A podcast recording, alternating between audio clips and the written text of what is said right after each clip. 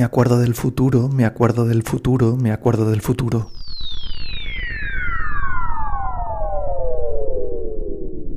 Esta segunda parte del encuentro con Isaac y la cuesta tiene mucho de biografía escondida, de memoria de infancia. Hoy son los años 80. Esto es un viaje en el tiempo para empezar a imaginar una segunda película que tiene mucho de regreso al pasado, de regreso a los años en los que Isaki vivió a orillas de un lago. Y podría empezar así.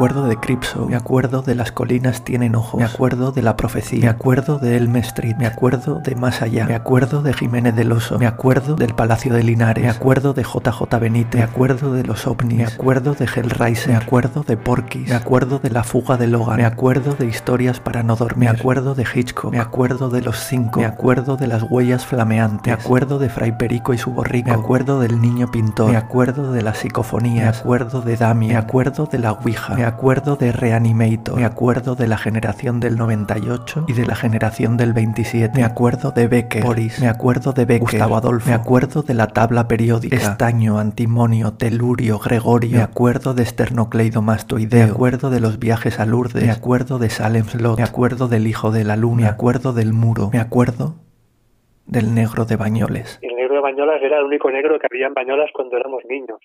No había ni un cuesta, cuesta que alguien entienda que no había internet y que no había negros en las calles. Es, inverosímil. Y en Bañolas, en vez de llevarnos al Museo de Arte, nos llevaban la excursión al museo de un zoólogo, de, bueno, del señor Dardé, que era taxidermista, y era un museo de ciencias naturales, en el que tú entrabas y empezabas con las mariposas, los cocodrilos, empezabas entrando en un mundo de Julio Verne, de película de Tarzán, y luego te encontrabas los huevos avestruces, y luego te ibas encontrando animales extraños disecados, cerdos con dos cabezas, eh, animales deformes, y poco a poco ibas llegando a lo que llamaban las salas del hombre, en las que había unas pieles curtidas, decían que era un hombre de una mujer, eh, un montón de cráneos, de momias, eh, la cabeza de una cabeza de estas jibarizada y, y, la pieza más llamativa que era un negro disecado en una vitrina. Era un, era, se suponía que era un bosquímano de, de Botswana, aunque luego se ha descubierto hace muy poco que era un señor sudafricano al que una vez muerto le vistieron con taparrabos que nunca había llevado en su vida, le pusieron una lanza y lo metieron en aquella vitrina. Eh, entonces forma parte de, de, la infancia de muchos niños catalanes. Eh, los llevaban de excursión no solo a los que éramos de Bañola, sino a los de toda Cataluña a ese museo, donde aprendimos a dibujar y donde aprendimos eh, lo que era la naturaleza según los cánones de la época. ¿no? En, el, en el Museo de Ardel, por ejemplo, había una mariposa que tenía forma de hoja y eso me, me, parecía maravilloso, eran los recuerdos que me quedan de pequeño. Esa mariposa con forma de hoja que estaba hecha así para camuflarse, ¿no? Y, y de algún modo a veces pienso que como cineasta siempre he querido ser como esa hoja. Il revient à ma mémoire des souvenirs familiers. Je revois ma blouse noire lorsque j'étais écolier. Sur le chemin de l'école, je chantais à pleine voix des romances sans paroles, vieilles chansons d'autrefois. Douce France, cher pays de mon enfance,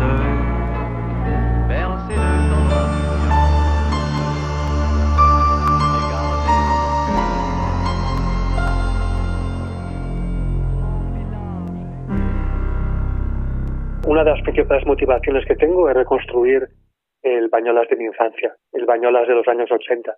Tengo esas ganas de, volver a montar el piso en el que vivía tal y como era, de volver a, montar el colegio tal y como era, el Museo de Arder con su negro en la vitrina y, cuando leí hace poco el libro que ha escrito la ayudante de dirección de Petita Mogós contando la, la experiencia de Eustache reconstruyendo su infancia, pensaba que hay algo en común ahí, esas ganas de reconstruir ese, ese decorado. Y hay cosas que a las que no puedo renunciar, como, por ejemplo el hecho de que, de que en Bañolas en los años 80 eh, yo crecí hablando catalán y castellano, de forma absolutamente mezclada. Eh, mis mejores amigos con un hermano hablaban catalán y con el otro en castellano. Eh, en el colegio pasaba igual. Y esto sí que es una cosa que complica la producción de la película, pero tiene que ser así. No, no puede ser de otro modo porque forma parte de la vida de aquel momento.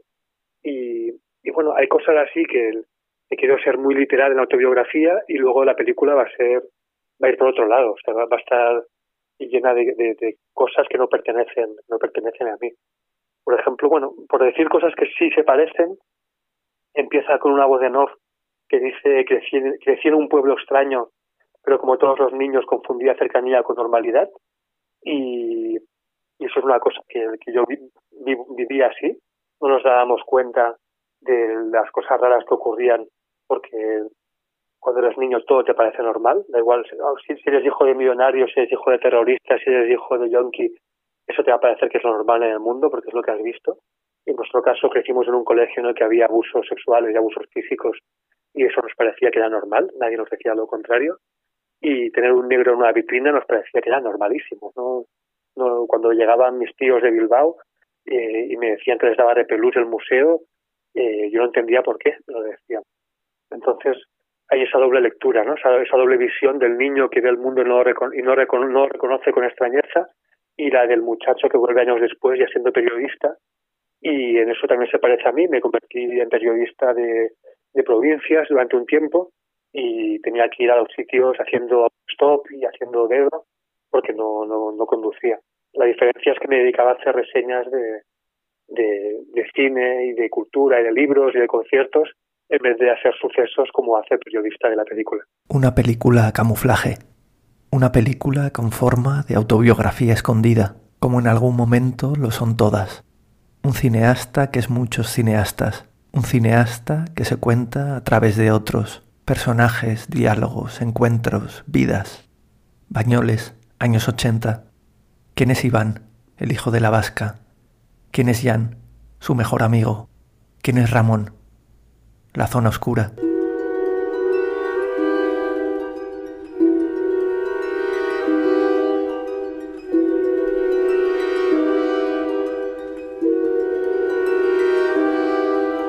Crecí en un pueblo extraño, pero como todos los niños, confundía cercanía con normalidad. El hijo de la vasca me preocupa porque, claro, yo soy hijo de vasca y entonces es una de las cosas como autobiográficas de la película. Me preocupa que mi madre pueda escuchar esto y pensar que va a ser muy autobiográfico, cuando, cuando lo es, pero igual no tanto como ella puede llegar a tener.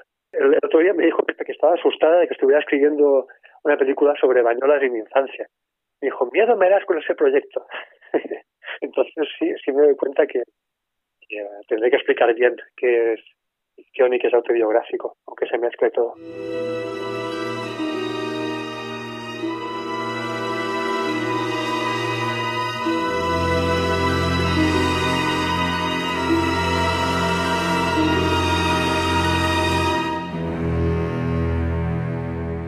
si dijéramos que el mejor amigo de Iván, que sería el alter ego, son, son, unos, unos hermanos, en la película un hermano y una hermana, Jan y Raquel.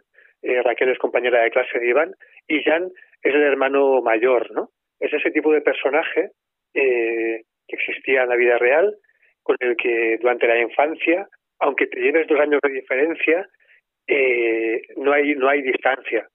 Y yo recuerdo que mi mejor amigo tenía dos años más que yo y es la persona con la que hablábamos de libros, hablábamos sobre todo de películas, con la que nos pasábamos horas negociando si un, cartel de, de Piratas de Polanski equivalía a cuatro carteles de otras películas que nos gustaban menos y, y de repente llega un momento en el que esos dos años de diferencia son muy notorios y pierdes a ese amigo y ese amigo deja de, estar a tu lado porque está con chicos mayores, ¿no?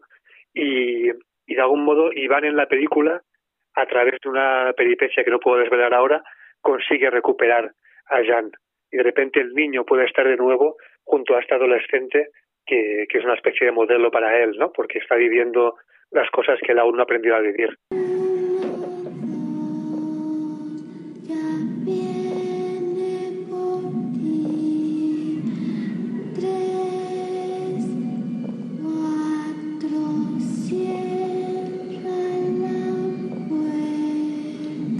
Quizás lo importante es explicar que esta es una película de género fantástico.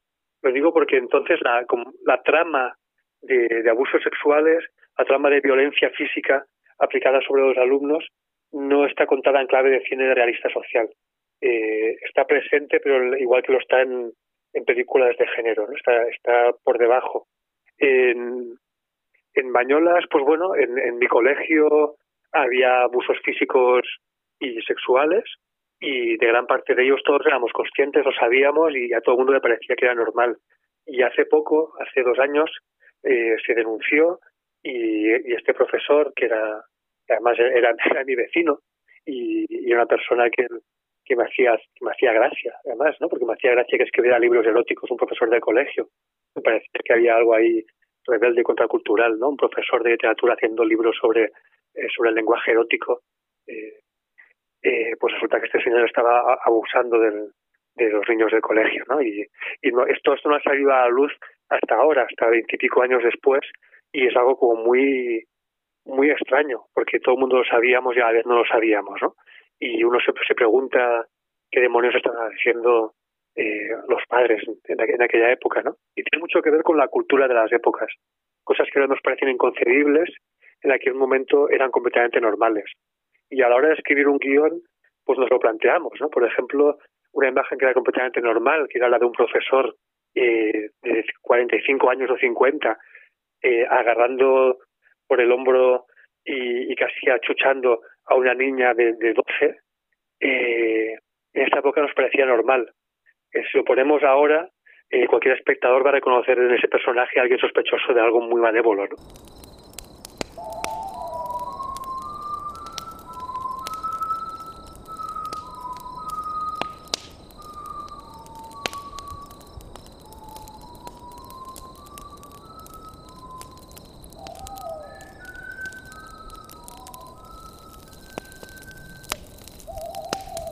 De entender que tras las películas de terror había algo más vino después.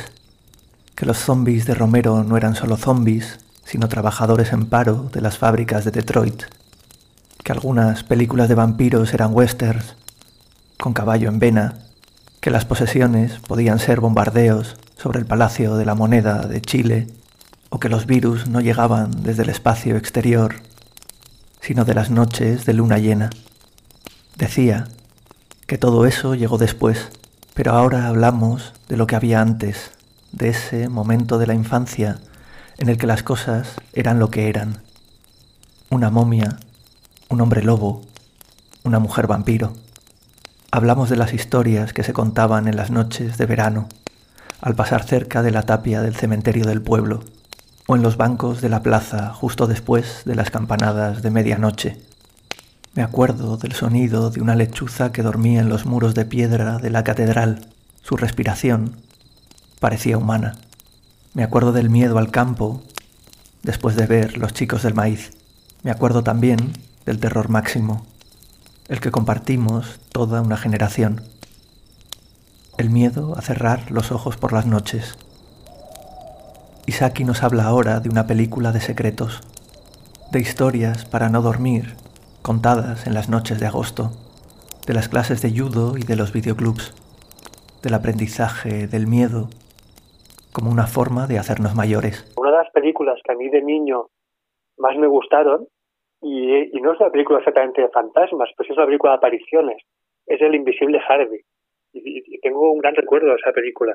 Pero yo, por supuesto, de niño ni, ni remotamente me di cuenta que era un personaje con delirium tremens alcoholizado que veía un que veía un conejo gigante porque estaba porque era un alcohólico no el, este tipo de percepción del niño que no entiende lo que pasa delante de sus ojos es la que buscamos en esta película no que el espectador habrá momentos que irá de la mano del niño y habrá momentos en los que irá bastante por delante de él entendiendo cosas que él no entenderá hasta el final de la película. Y este tipo de juegos es lo que buscamos no que sea una película con secretos que a veces son secretos que están en la superficie, pero que los niños no son capaces de ver. Y esto yo creo que, bueno, creo, ¿no? O sea, en Bañolas ocurrió mucho y, y creo que ocurrió en las infancias de casi todos. Es, es algo propio de la, de la infancia, ¿no? Los secretos no, no hace falta ni que te los escondan. Los tienes delante y no sabes leerlos. No pongo en duda sus manifestaciones, señora Simmons. Solo quiero saber si su hermano bebe. Pues sí, confieso que efectivamente él bebe. Y deseo que quede internado aquí permanentemente, porque ya no puedo resistir ni un solo día más a este Harvey. Y dígame, esa persona a quien usted llama Harvey, ¿quién es? Es un conejo. Ya, le llaman así, ¿eh? ¿Pero quién es? ¿Alguien a quien su hermano conoció en una de esas tabernas? Doctor Harvey es un conejo, acabo de decírselo. Un enorme conejo blanco de dos metros de estatura o dos y medio, quizá. Dios mío, no lo sé después de tanto tiempo de vivir con nosotros. Yo cuando era niño era muy poco miedoso, era realmente muy audaz y, muy, muy inconsciente. Y, ahora, por ejemplo, veo veo cosas que hacía, como vivíamos en un, en un edificio de siete plantas y, me podía subir al tejado de una alita. Y, y, lo veo ahora y me muero de vértigo me aterroriza pensar que, mi niña pueda hacer eso o que yo lo hubiera hecho, o sea, me, asusta solo de verlo. Y, y no fue hasta la edad en la que se ubica la película, a, los 12 años, eh, cuando empiezo a tener verdaderos terrores. Y, lo que me da mucho miedo, o sea, a mí la película que me, que me marcó que me marcó mucho fue Pesadilla en el Street. Esta idea de, de que te pueden hacer daño cuando no estás presente porque estás dormido cuando no controlas lo que te rodea porque has perdido tu conciencia, eh, alguien puede entrar dentro tuyo o alguien alrededor tuyo te puede atacar. Esa, esa idea de cuando estamos dormidos y se puede aplicar a la sociedad, pero era una cosa mucho más personal e íntima, eso me, aterrorizó durante mucho tiempo y empecé a tener problemas de, insomnio a raíz de, de, ese monstruo que al mismo tiempo adoraba y me fascinaba. Y tenía camisetas de Freddy Krueger. Pero despertó algo, imagino que asociado también a la pubertad, y al sentimiento de culpa, el, deseo y todo ese tipo de cosas, que ahí, ahí es cuando empecé a tener terrores. Creo que tiene relación también con el descubrimiento de la mortalidad. Hasta aquel momento pensaba que era invulnerable. En la película Iván está aprendiendo a tener esos miedos. Son miedos que tiene la gente a su alrededor y que él todavía no tiene. Y los va aprendiendo a medida que avanza la película. No había pensado así, pero me gusta esa idea de, de alguien que aprende a tener miedo a medida que avanza. Y bueno, y que tiene miedo a la pérdida, ¿no? Eh, de hecho, todo esto coincide cuando, cuando me tengo que ir de bañolas, ¿no? O sea, cuando pierdo mi pueblo y mis amigos y mi infancia. No, había, mira, me vas a psicoanalizar. No había pensado que es posible que también tenga relación con ver que todo, que todo es efímero. Haber, haber perdido todo, todo ese entorno. Aunque luego me fui al lado, ¿eh? O sea, me fui a 20 kilómetros. No era nada épico ni nada digno de ser contado. Pero la práctica para un niño era, era un cambio como si me hubieran mandado a, a Botswana.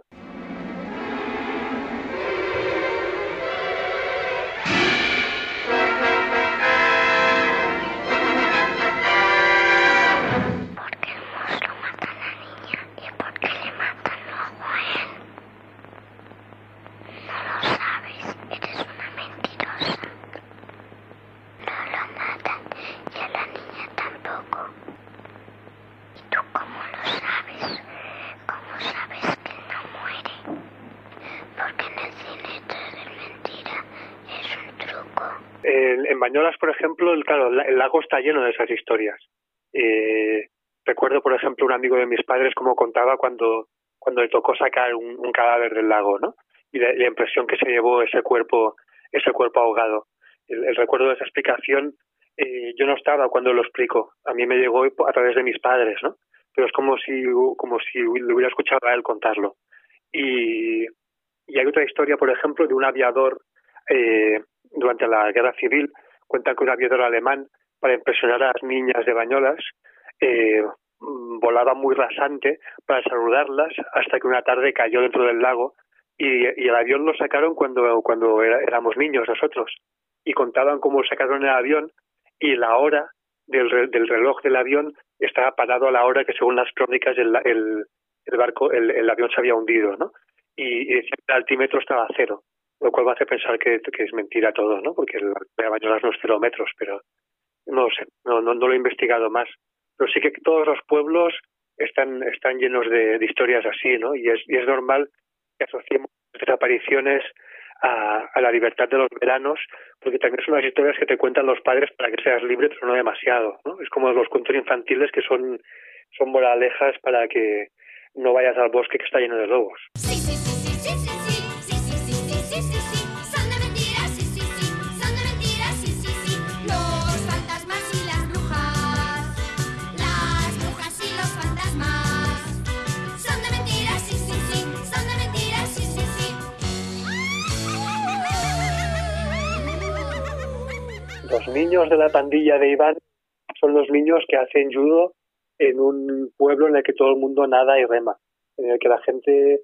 se convierte en campeón olímpico de remo y en campeones de España de natación, y en cambio estos niños hacen judo, que es una cosa muy de los años 80, que yo creo que está muy vinculada también a, a, ese momento de los videoclubs, de, películas como Karate Kid, las películas de Spielberg, todo ese imaginario de los 80 que ahora se está volviendo a poner de moda, eh, que yo relaciono siempre con un cierto género fantástico.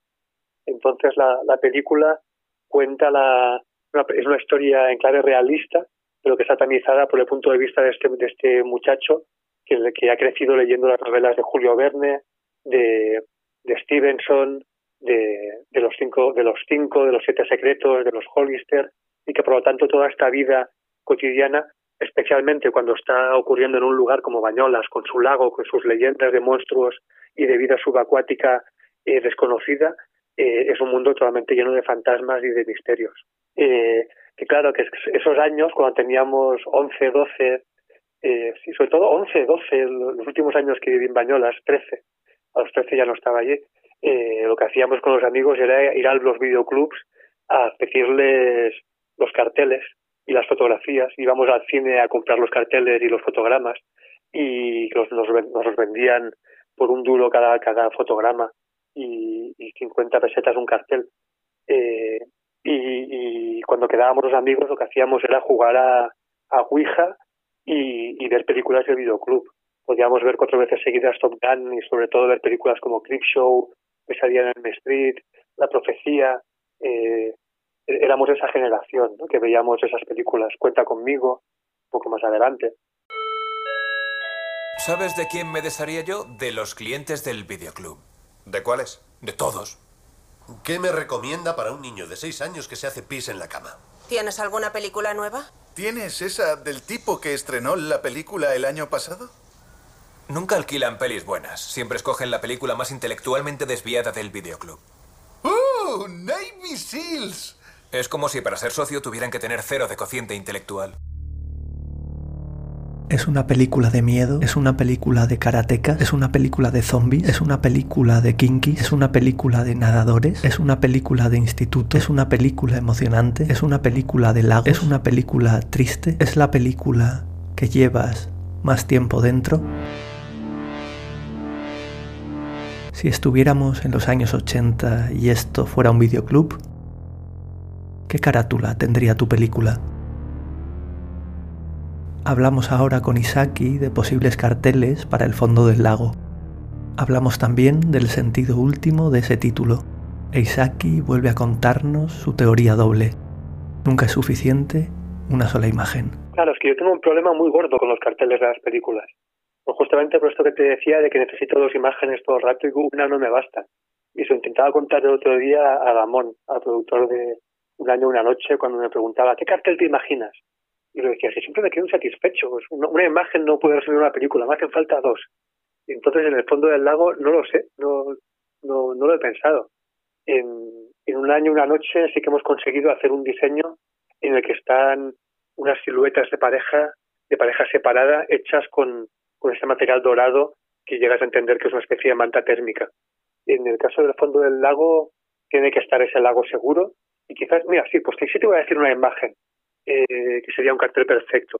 Es una fotografía de Enrique Metinides, de este fotógrafo de sucesos mexicano, que tiene unas fotografías terroríficas.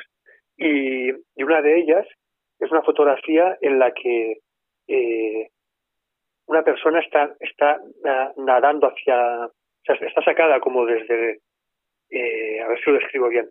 Imagínate, alguien que lleva un cuerpo y lo está uh, llevando nadando hacia la orilla del lago. Y, tú lo que ves es los reflejos en el agua de toda la gente que está esperando a esta persona, eh, los curiosos, no parece que vayan a ayudarle demasiado, la verdad, y, y, la fotografía está sacada como desde la otra orilla o desde dentro del agua eh, de espaldas a la persona que está llevando en brazos a, a, a, este alguien que intuye que es un cadáver más que alguien que pueda sobrevivir y lo está llevando hacia la orilla. Y, entonces toda la gente que están fuera y que son los vivos son pura son el solo el reflejo en el agua. Entonces me gustaba imaginar que de repente cuando la cámara se enviera, si la fotografía continuara en movimiento, no hubiera nadie en la orilla y todos estos reflejos pertenecieran a la gente que no está. Este podría ser un buen cartel de- del fondo del lago. Pues el, fondo del lago en Bañolas es un fondo de ceniza, que hay mucha gente que la primera vez que se baña le da un poco de repelús porque no se esperan que el fondo sea, sea de ceniza y de algas, porque es un lago de, de origen volcánico. Y, y había una barquita, bueno, cuando metes la mano en esas cenizas, te salen muchas veces pequeñas caracolas blancas, con las que de niños hacíamos collares para vender a los turistas franceses.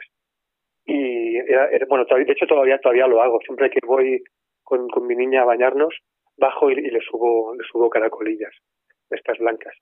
Eh, eh, había cuando éramos niños había un barco, el barco del Leru, que tenía forma de pato y te dejaban conducirlo a veces. Te dejaban pillar el volante y, hacer un poco de la vuelta del lago. Y había y ponía siempre un cassette que te contaba la historia del lago, siempre contaba el mismo chiste, que el lago el fondo del lago era insondable y que tan tan insondable era que una vez un señor había intentado llegar a la profundidad y desapareció y que años después lo encontraron en Mallorca vendiendo palomitas. Y, y este era el chiste que contaba siempre el cassette. Entonces, años después, ese barco se hundió cargado de turistas franceses que iban en silla de ruedas, que murieron ahogados al lado de la orilla. Y esta es una, de las imágenes de la película, ¿no? Como, como el final de todo este mundo de chistes en el que ese fondo del lago también está lleno de cadáveres.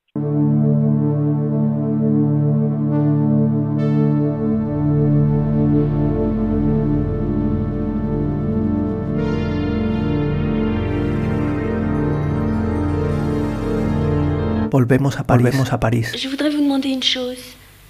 Est-ce que vous croyez aux fantômes Volvemos al Pompidou, a otra noche en la exposición que dedicaron a Isaki en el museo. Y si en la película previa las hermanas gemelas Ferrer deambulaban entre las salas, ahora, como no podía ser de otra manera, volvemos a la posibilidad de un encuentro doble. Bayona-Bayona, también hermanos gemelos. Aquí empieza a construirse una teoría extraña de la repetición. París no se París acaba nunca, no se acaba nunca. Nota para este capítulo. Qué felicidad escuchar esta historia de un cineasta ayudando a otro cineasta. En esta película estamos en fase de escritura. Eh, nos hemos comprometido a, a escribir un guion a lo largo de este año y lo estamos escribiendo con Isa Campo y Fran Araujo. Y, y bueno, hubo, hubo algo muy bonito que el- hace como año y medio que me hicieron la retrospectiva en el Pompidou en París y un día que, que bajé a, hacer una presentación me encontré que estaba Bayona, que estaba J ahí viendo unas viendo una, una instalación que había hecho y luego nos fuimos a cenar juntos y nos habíamos conocido ya antes, pues tampoco tanto. Nos estuvimos contando proyectos de futuro y le conté esta película, le conté que él, bueno, de, hecho y yo le contaba otras porque esta me parecía imposible y Isa le decía, no, pues tiene que hacer la de Bañolas, que es la peli importante, pero yo decía, pues que es imposible porque es catalán, castellano y, y eso hace que sea muy complicado hoy, hoy en día. Y, y meses después nos volvimos a encontrar y J me dijo, pues si necesitas ayuda con la peli, eh, yo te puedo ayudar. Entonces, bueno, están él con Belén Atienza y Sandra Hermida eh, ha entrado en la producción y, y estamos escribiendo y con las ganas de, de avanzar con ellos. sí. Además, creo, creo que con J, además, compartimos la generación. O sea, que todo este mundo de esta infancia somos del mismo año, eh, crecimos viendo las mismas películas en el mismo momento, tuvimos el mismo tipo de educación en la escuela pública. O sea, creo que hay toda una serie de referentes que compartimos y, y, que, y que está bien compartir para hacer esta película. Eh, con Fran muchas veces lo decimos de, joder, esto a J le va a gustar, pero no, no lo ha leído aún. O sea, él conoce la historia en sinopsis y, ahora cuando lo lean él, Sandra y Belén, esperemos que les guste. A mí, a mí me tiene contento, es una peli que tengo muchas esperanzas. Luego, luego ya hablaremos con calma de a ver qué tenemos que mejorar y por dónde, por dónde ir. Pero le tengo muchas, muchas ganas.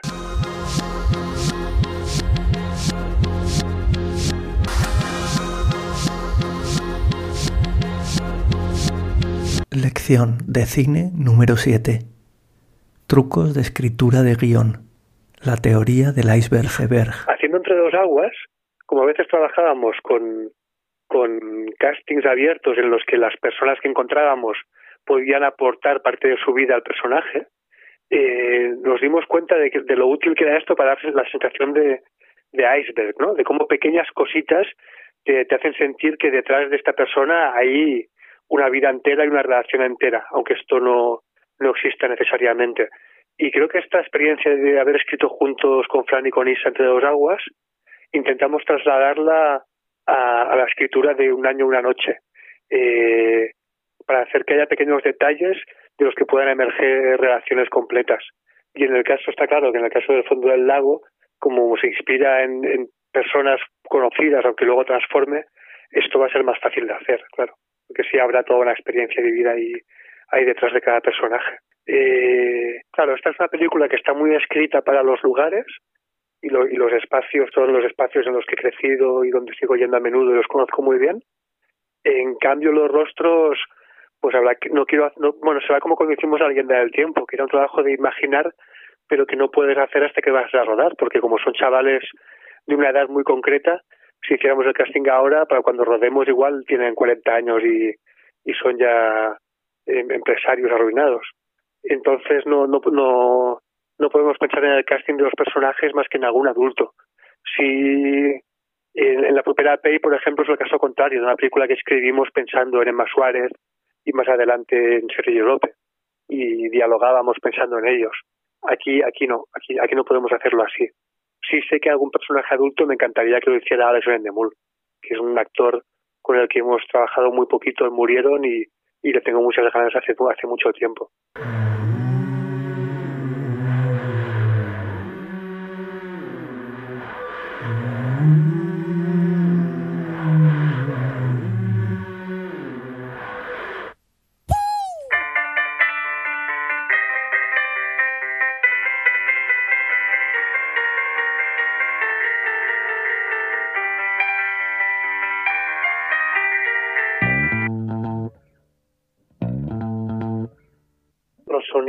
Más atraviesan la película son los que escucha un niño desde su habitación y que son propios del mundo adulto.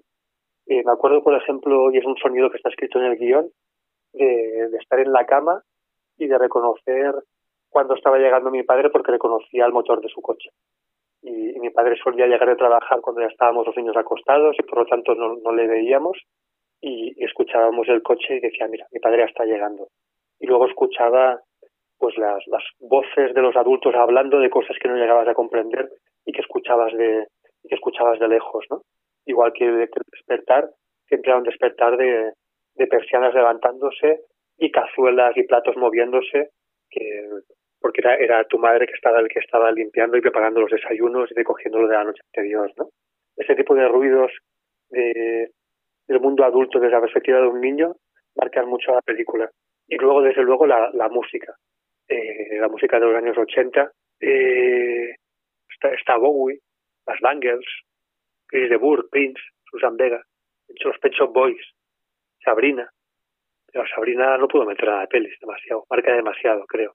O igual sí puedo meterla. New Order, Duncan Du, House Martins. House Martins y The Cure creo que es lo más seguro que quiero poner. Y sobre todo esa falta de prejuicios que tiene, que tiene un niño. A la que te vuelves adolescente, aparecen los prejuicios y tienes que ser de un grupo o de un estilo o de otro. Cuando eres niño, es cuando todavía puedes escuchar simultáneamente a, a Franco Battiato y The Cure. Y puedes escuchar Yazoo y Whitney Houston. Y a todo el mundo le parece normal que compagines, vamos, de hecho recuerdo que en el colegio hubo un año que nos, disfrazamos todos de punkis, con cresta y con chapas y con muñequeras llenas de clavos, y entramos en el patio con la música puesta de Europe. Eh, así de confusos estábamos. Pensábamos que de Final Countdown era punky. Eh, la película tiene, me la imagino como bastante música y la, por ejemplo, una canción que describe muy bien la película es The Forest, The Forest de The Cure. Creo que tiene la atmósfera, el ritmo y el tono de, esta película. Y esta especie de sensación que teníamos cuando veíamos el bar de los punkis del pueblo, que nos daban mucho miedo, y, y, visto desde ahora, eran chavales de pueblo que estaban en un bar tomando una cerveza, ¿no? Pero nos parecía que esa cerveza y ese cigarrito era de gente muy peligrosa, ¿no? Y, y eran muchachos que, que estaban ahí y, y no sabían nada de la vida, pobres, ¿no?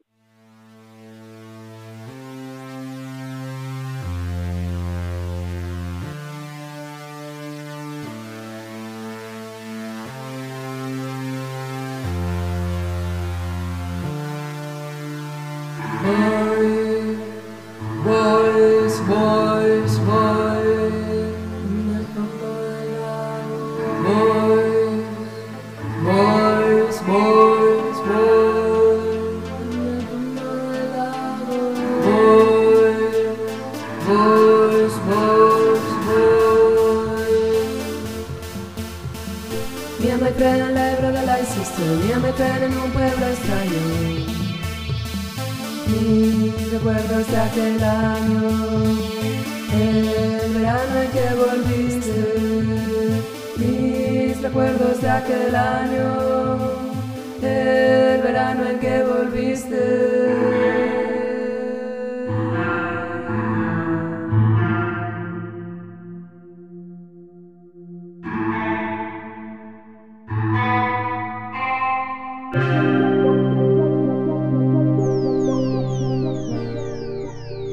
Hemos escuchado a Isaki hablar de sonidos y músicas y ahora nos toca hablar de imágenes. Dos imágenes, una para cada película. Con eso podríamos cerrar este programa doble. Este último ejercicio tiene algo de estilo de natación, natación cinéfila, nadar de una película a otra. Hay también algo de ejercicio final con forma de espejo. ¿Cómo se relacionan estos dos títulos de los que nos está hablando Isaki? Una película reflejada en otra, reflejada como si fueran la misma, como si fueran la misma, como si Isaki, Isaki convirtiera sus recuerdos en imágenes que aún no existen, pero que existirán en breve. En un año, una noche hay una secuencia de baño en el mar en, en, en, en primavera, cuando hace calor, cerca del verano, pero las playas todavía están vacías, y entonces una pareja que se que está intentando eh, recuperar su deseo sexual, pero van desincronizados y entonces hay un momento como de invitación a un baño desnudos, pero que no acaba de funcionar y, aparece el miedo en esa playa y, prefiero no concretarla mucho más. Y en cambio, en el fondo del lago sí hay unas escenas de baño que puedo concretar bastante más.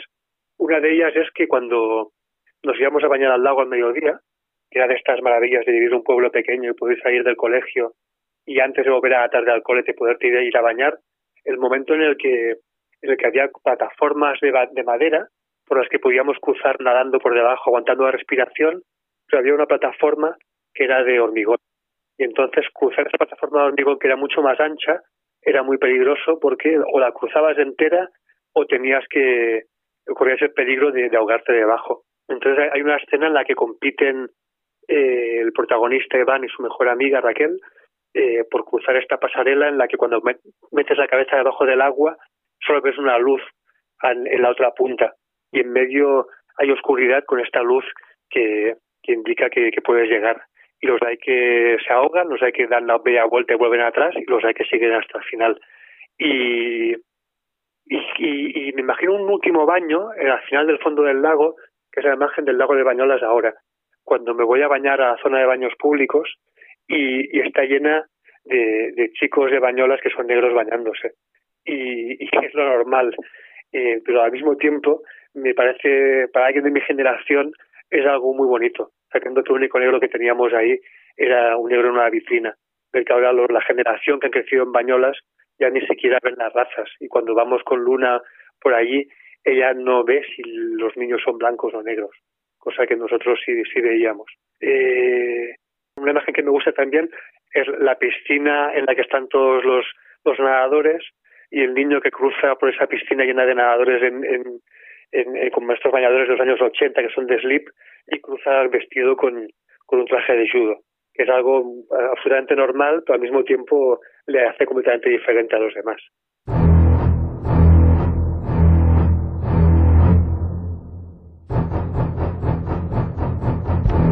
Dar cera mano derecha. Pulir cera, mano izquierda. Dar cera, pulir cera. Tienen que ver, y creo que en parte eh, te propuse que habláramos de las dos porque se relacionan y se relacionan por cómo se complementan en formas que quiero trabajar. O sea, hay estilos que son distintos y que, y que voy a trabajar de forma distinta a la puesta en escena en una película y en la otra. Entonces, eh, de algún modo se complementan.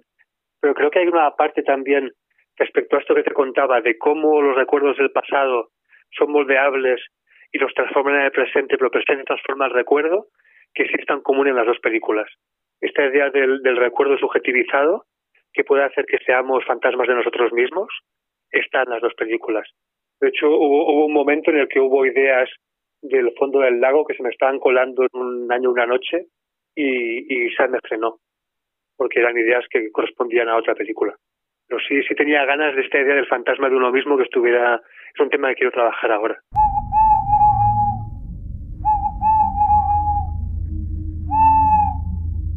Esto es el futuro. Esto es el futuro. Un programa de tabacalera en colaboración con Elías Querejeta Sin Escola.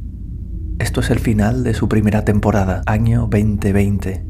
Hoy en los audios, Linda Richardson cantando la intro de la serie Into the Labyrinth 1981, Me Petit Amogos, Janustash 1974, Pesadilla en Elm Street, Wes Craven 1984, intro de Bernard Herrmann para The Twilight Zone 1959, M, El vampiro de Düsseldorf, Fritz Lang, 1931, Harvey, Henry Coster, 1950, La novia de Frankenstein, James Whale, 1935, El espíritu de la colmena, Víctor Erice, 1973, Canción de Barrio Sésamo, 1983, Clerks, Kevin Smith, 1994, Blinding Lights, The Weeknd, 2020, Pascal Oyer, en Ghost Dance, Ken McMullen, 1983, Maite Mursego en los sintetizadores y en las versiones musicales, Magdalena Orellana en la cita final. Y fragmentos de The Breeders, Michael Jackson, The Cure, Sabrina, Os Martins y Franco Battiato en el programa de televisione In Country con la musica elettronica 1976. Una grossa rivoluzione, dico tutti insieme, è quello di essere disponibili a tutto quello che succede, avere le antenne per captare anche cose che non sono dentro le nostre cellule, no? vedere di essere disponibili significa non essere prevenuti con tutto quello che c'è di nuovo e lasciarsi andare a questo tipo di suoni come non mettendosi in una posizione tradizionale di ascolto, cioè tu sei da una parte e, e sai che dall'altra ti arriverà sicuramente quella cosa perché gli altri ci hanno già pensato per te, no? Ecco, abbandonare questo rapporto e crearne uno nuovo completamente in cui l'ascoltatore ha una funzione quasi compositiva. El viaje ha sido largo, en buena compañía siempre, agradecimiento infinito para quienes nos contaron sus películas, para quienes colaboraron con el programa, para quienes nos habéis escuchado, si es que alguna vez hubo alguien ahí, al otro lado. Ahora toca volver a casa, ahora la nave queda en modo hibernación, ahora una lluvia de meteoritos, otra dimensión, un loop intergaláctico, un centro de gravedad permanente. Ahora la cita final, las palabras del escritor argentino Antonio Di Benedetto para terminarlo todo. Después... Música para mí, la de Bach y la de Beethoven, y el cantejondo. Bailar no sé, nadar no sé, beber sí sé. Auto no tengo. Prefiero la noche, prefiero el silencio.